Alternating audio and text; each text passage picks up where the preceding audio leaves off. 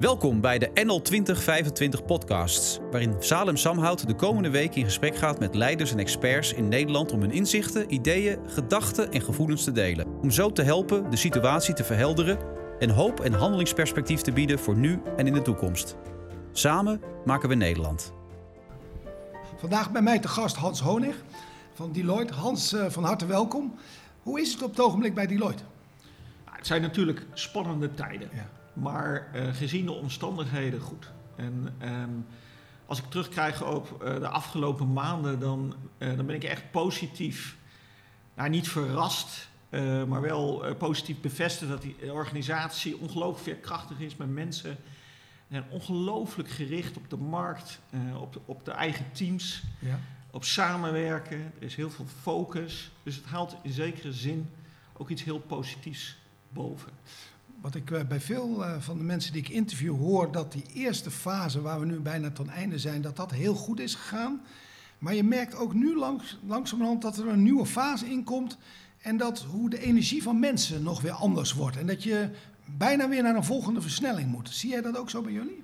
Ja, het volgt eigenlijk best wel een klassiek patroon. Dus in het begin van zo'n crisis dan heeft iedereen van, uh, zit, die, die is on top of the world. Die denkt van nu, nu gaat het gebeuren, we moeten er. Uh, het zorgt voor heel veel energie. En de firefighters die in ons zitten, die, komen dan, uh, die komt dan boven. Ja. Maar uiteindelijk, hè, deze crisis, dat is niet een sprint, dat wordt een marathon. Ja. En de echte impact gaat nog komen, geldt ook voor ons ook. Dus tot nu toe gaat het nog, is het redelijk robuust, ook de performance. Ja. Maar de echte impact, Ehm, gaat nog komen. Dus, en dat zie je nu ook. Uh, dat we langzamerhand bezig zijn met wat gaat nu de. of eigenlijk al een hele tijd bezig zijn met wat gaat dit nou betekenen voor de komende anderhalf jaar. En je hoort ook al, er zijn veel verschillende scenario's. Dus mensen hebben allemaal scenario's nou en je weet niet in welk scenario je terechtkomt. Welke keuzes moet je nu maken die eigenlijk altijd geschikt zijn voor welk scenario dan ook komt? Um, misschien eerst nog even iets ja? over die scenario's, ja? uh, Salem. Um, dat, er zijn met twee, terugkijkend, er zijn met twee dingen vallen me echt op. Ik zit in een, ben onderdeel van een wereldwijd opererend ja? bedrijf. Uh, we hebben veel contact. Uh, we delen wat er gebeurt. En toch is het heel erg moeilijk om dingen naar voren te halen. Dus we zagen gebeuren wat er in China gebeurt. En je onderschat dan toch nog wat de impact is. En dat komt natuurlijk door die, de uh, het, het uitzonderlijk karakter van deze crisis. Ja. En, um, en nu ook vooruitkijkend hè, over die scenario's, um, is het heel erg moeilijk inschatten wat er gebeurt. Ook de afgelopen drie maanden zijn ook weer anders gelopen dan we hadden uh, verwacht. En dan wat dat voor mij betekent, dan uh, ja. naar je vraag, hè, ja. wat je moet doen, ja. is dat dus we varen zonder zicht. En dan wordt het heel belangrijk dat je handelt volgens principes. Ja. Omdat je te weinig informatie hebt, veel onzekerheid.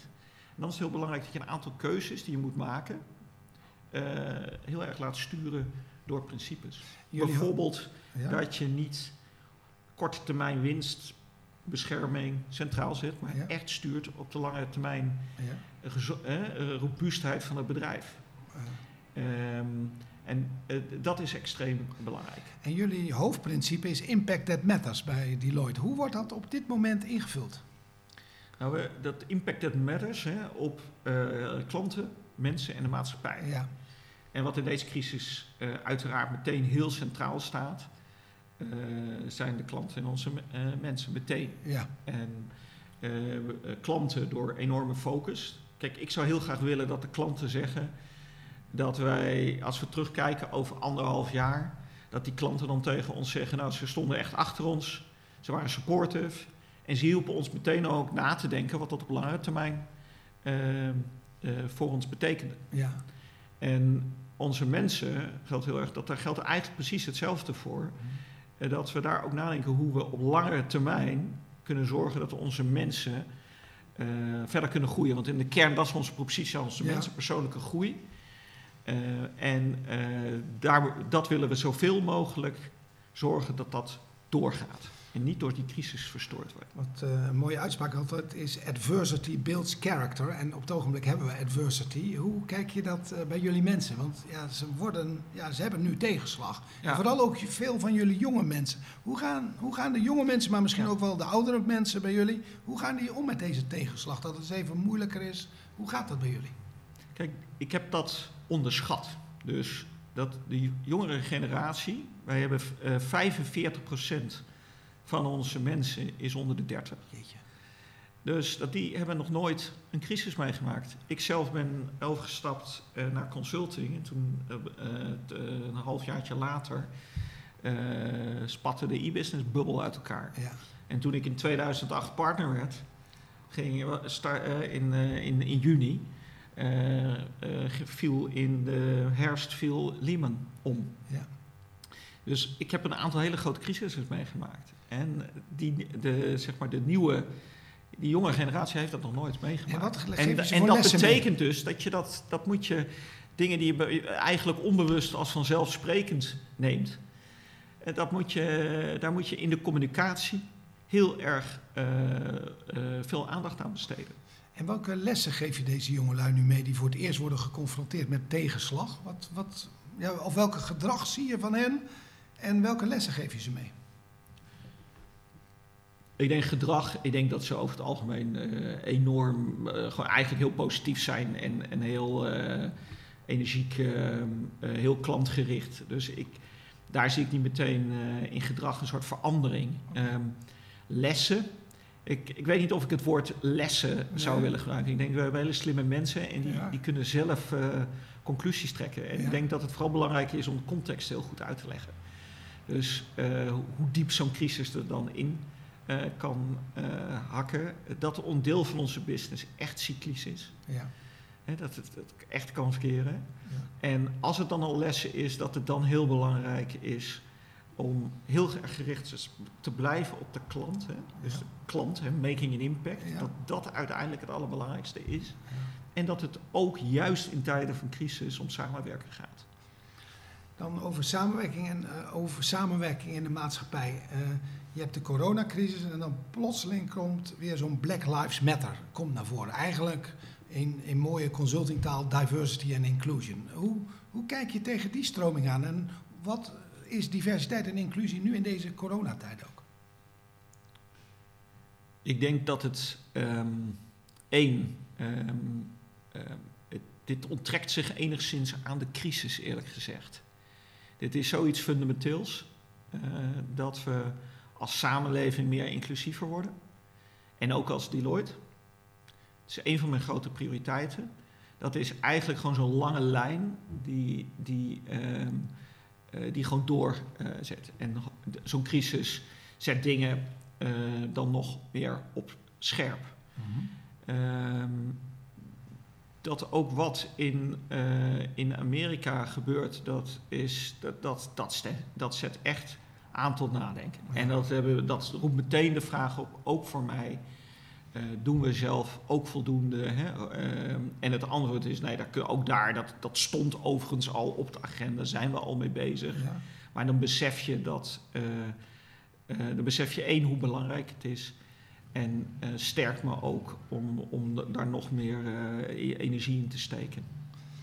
Hoe bereik jij al jouw mensen binnen bij Deloitte? Want jullie zijn 7000 man. Hoe, hoe communiceer jij als, als, als voorzitter?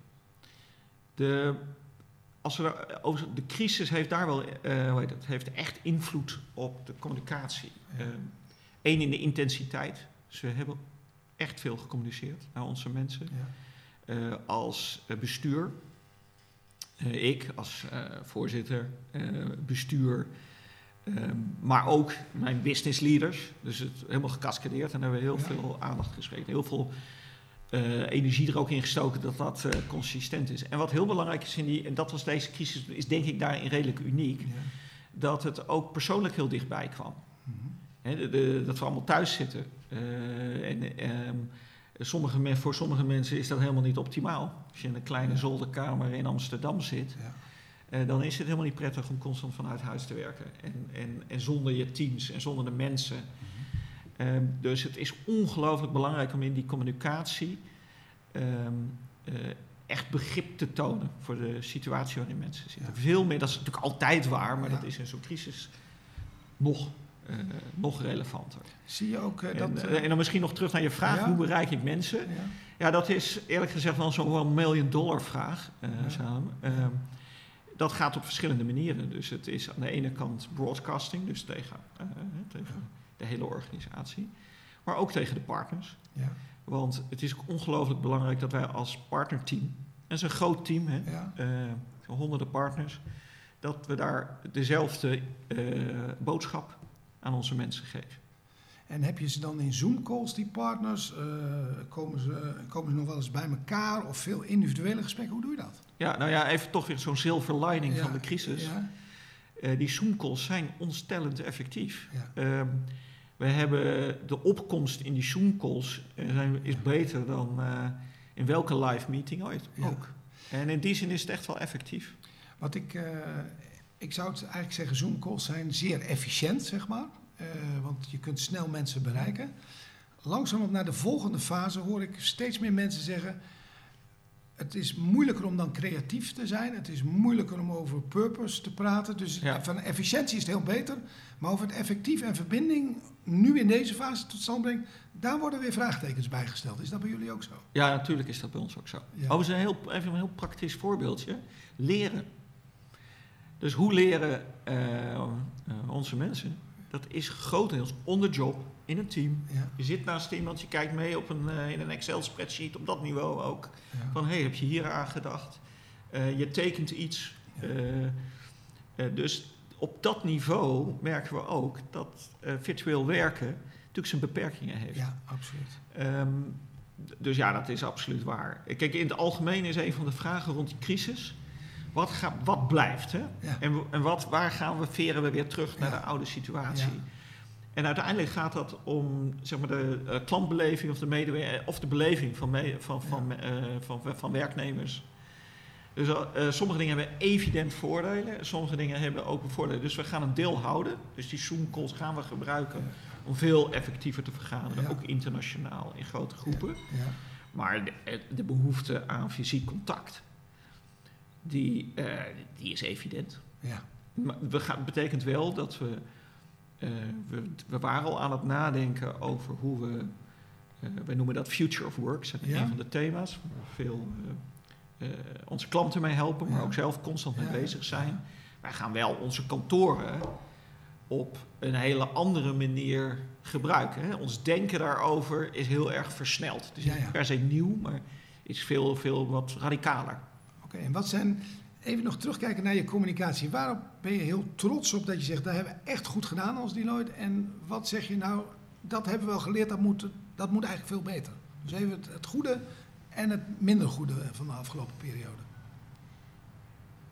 Um, het, het goede is denk ik dat we, uh, wat ik terugkrijg, is dat mensen um, waarderen dat we eerlijk zijn geweest, uh, dat we um, uh, duidelijk zijn geweest, dus een realistisch verhaal hebben verteld en ook persoonlijk zijn geweest. Ook, ook als eh, RVB, als de business leaders. Ja. Ik denk dat uh, dat uh, goed is gegaan. Ik denk dat wat nog beter kan, is dat je consequent blijft nadenken. Wat betekent het heel concreet voor mensen? Dus, en ik denk dat we dat overigens helemaal niet slecht hebben gedaan, maar dat kan uh, daar, daar hadden we, dat hadden we achteraf gezien op onderdelen nog beter kunnen doen. Heel concreet, mensen hebben dan hele praktische vragen. Ja. Dat, uh, dat, hebben wij, dat zien wij ook heel veel nu uh, in bedrijven. Dat de eerste fase was het top-down communiceren, veel zenden en helderheid in je communicatie, wat jij schetst. Ja. En dat er nu veel meer de fase komt naar dialoog. Mensen worden nog onzekerder.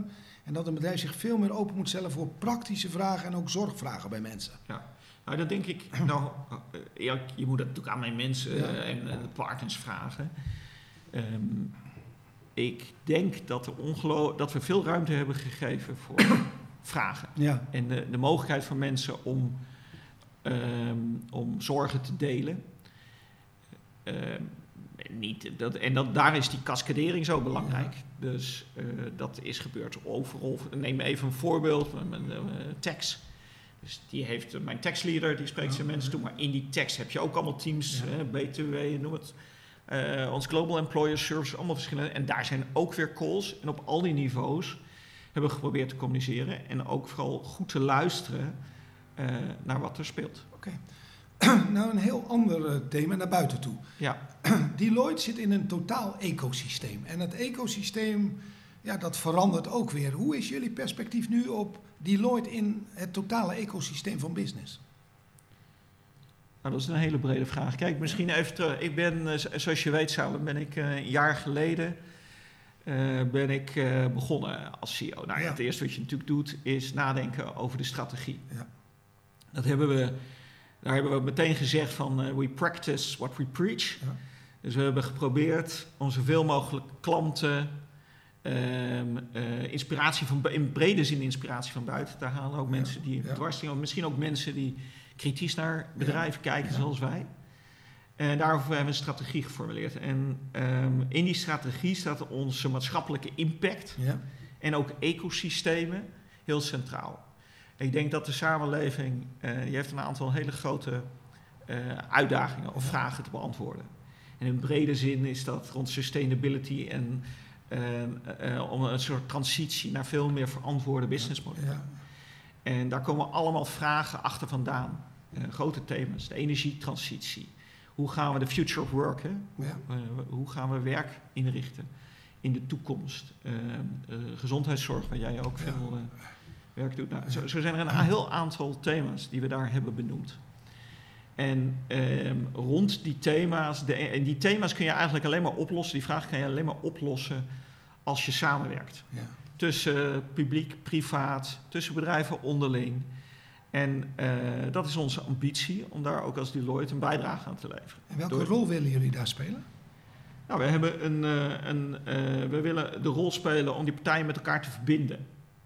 En, ehm, en, en daardoor veranderingen te ver, ook te versnellen. Ja. En, ehm, we, zijn, we, zijn, we zijn heel breed in termen van onze dienstverlening, maar ook in termen van de, de klanten die we bedienen. We hebben ook een hele grote eh, publieke sectorpraktijk bijvoorbeeld. En kunnen, zijn dus goed in staat om die verbinding te leggen en ook gericht kennis in te brengen. Ja. Misschien wel even wat iets minder ehm, eh, abstract eh, Ja, te maken. Hè? Dus bijvoorbeeld, een van is bijvoorbeeld de energietransitie. Ja. Nou, de vraag, en die thema's die ik net noemde, misschien nog één stap terug. Die thema's die ik net noemde, die hebben ook heel sterk verbindenis. Dus eh, energietransitie en de toekomst van werk, dat is één op één aan elkaar Ja. gekoppeld. Dus wat betekent nou die energietransitie voor banen? Nou, de beweging naar meer duurzame energiebronnen zorgt voor een heel aantal extra banen, 80.000 extra banen. Waarbij we dan weer bij helpen om te zorgen, wat, wat, wat zijn dat dan voor banen? En hoe kunnen we zorgen dat bedrijfsleven en de overheid eh, met elkaar in verbinding komt om te zorgen dat ook mensen werkelijk omscholen naar die andere banen. Heb je het gevoel dat die coronatijd eh, dit allemaal gaat versnellen eigenlijk? Die veranderingen die jullie zagen in het Ja. totale systeem? Heb je, Ja, kijk, ik, ik denk het wel. Dus ik ben, eh, de vraag die je meteen stelt in zo'n crisis, tenminste ik, ja, is die strategie, klopt die nu? ja, die we hebben uitgezet. En we hebben gezegd van we gaan van dat Milton Friedman denken naar dat Rijnlandse model. ja, Terug eigenlijk naar waar we vandaan komen, zou je zeker Ja. kunnen zeggen als Nederland. Dat, dat eh, gaat naar zo'n multi-stakeholder, dat gaat gebeuren. ja. En ik denk dat die crisis dat versnelt. Ik, ik geloof dat het, om het chic te zeggen, het sociale contract tussen eh, overheid en bedrijfsleven, maatschappij moet ik Ja, zeggen, en ja. bedrijfsleven, dat dat verandert. Kijk maar naar de, de artikelen ook in het, eh, in het Financieel Dagblad de afgelopen tijd. Dus dat is Dus ik heel denk, mooi. ik is denk dat die mooi. beweging versnelt. Een andere grote, grote eh, eh, eh, zeg maar, ehm, driver voor onze strategie, of, of waar we op inzetten, is de technologische verandering. Ja. En de digitalisering. Dat doen we al jaren. En ehm, dat zetten we door, zetten we met nog meer vaart door. En ook dat, denk ik, dat de crisis doorzet. Ja, we- wees nog eens even specifiek op die digitalisering. Want drie, vier jaar geleden waren jullie daar echt een frontrunner. En dat zul je nu nog wel steeds zijn. Welke versnelling zie je nu in digitalisering plaatsvinden? Neem ons eens mee naar de toekomst. Ja. Allereerst geldt eh, door die crisis, hè, want dat is ook je vraag, Ja. versnelt die crisis dan... Het eerste wat er gebeurt is dat die crisis, wat al een goed idee was, wordt eigenlijk een nog beter idee. Ja, Dus je ziet ideeën die op die met een enorme versnelling en bedrijven zien, daar waar ze hebben gehandeld. Ik ga nu zo een voorbeeld geven.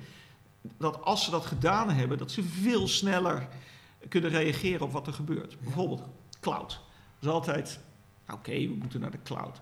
Bedrijven die daar dat gedaan hebben in samenwerking weer met, met partners, ja. met, met, met, die grote uh, cloud partners, die dat gedaan hebben, zijn opeens in staat om een hele korte tijd, grote bank waarvoor we een hele korte tijd nieuwe uh, proposities voor hun klanten naar de markt brengen. Een totaal ander, ander tempo. Ja.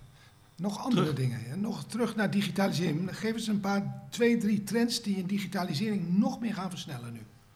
Ja, de eerste is, wat ik zei, is de beweging uh, naar de cloud. Dus die gaat ongelooflijk sneller, omdat de, het zorgt voor veel meer flexibiliteit en snelheid. En als iets uh, ook uh, duidelijk is uit de crisis, dat dat, dat, dat extreem belangrijk is. Het is gewoon onvoorspelbaar. Hoe wendbaar ben je dan?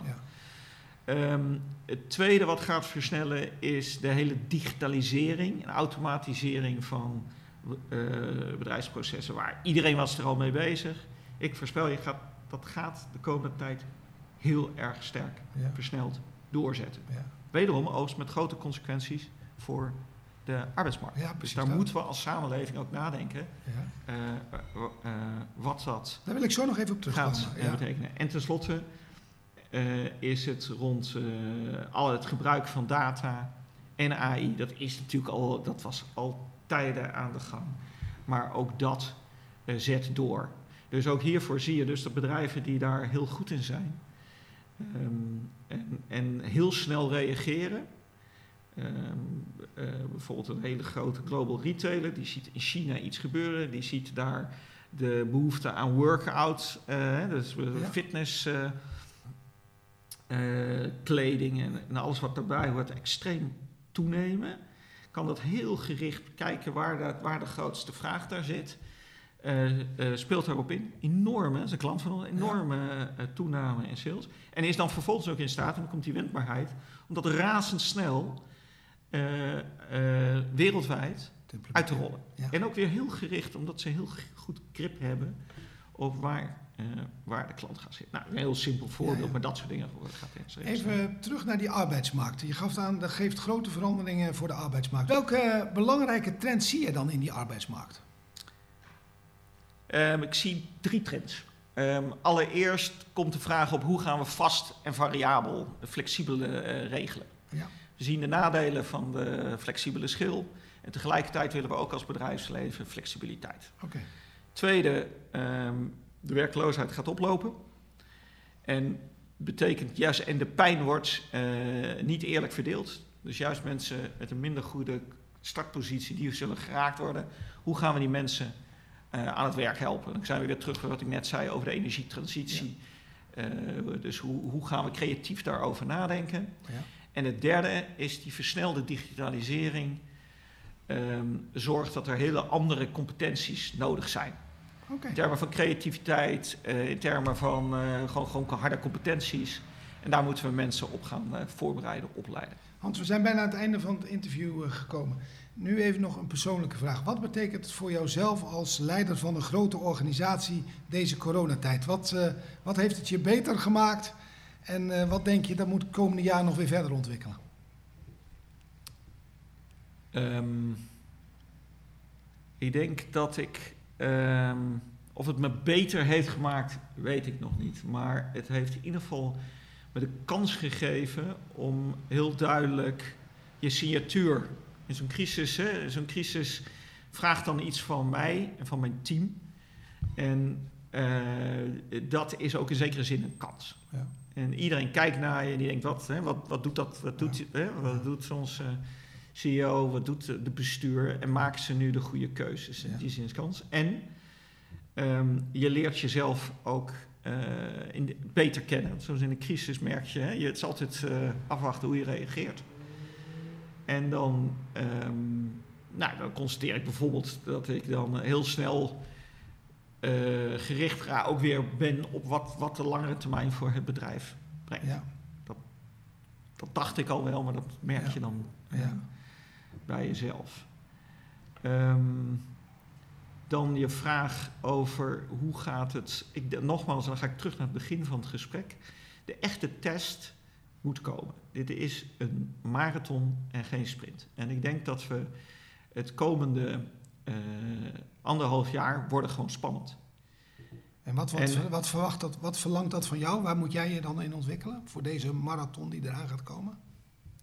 Ik denk dat uh, daar uh, waar ik, wat ik zelf heel erg belangrijk vind, is dat je constant aan de ene kant heel reëel bent over wat er kan gebeuren. En tegelijkertijd ook de enorme kansen die het biedt, ook heel erg benadrukt. Uiteindelijk hebben we het gewoon in eigen hand. Ja. Maar dat vraagt wel een ongelooflijke fine balance in termen van uh, communicatie. Ja. En ook heel goed luisteren of mensen begrijpen wat we zeggen en, en daar goed op reageren. En dat is denk ik onge, wordt ongelooflijk belangrijk te komen. Wat uh, Jim Collins altijd zei in zijn prachtige boek: uh, confronteren met de brutale realiteit, maar ook geloof in de toekomst hebben. En dat is altijd een fine balance eigenlijk. Ja. Dat is. Laatste vraag. Wat is de allermoeilijkste vraag die jij op dit moment zelf stelt? Nou, de eerste vraag die bij me opkomt is: hoe komt het dat we een crisis nodig hebben om dingen echt radicaal te versnellen? Mooie, mooie vraag. Die ga ik eens aan uh, veel mensen vragen hierna. Dankjewel voor het mooie gesprek, Hans. Ja, dank je, Saan.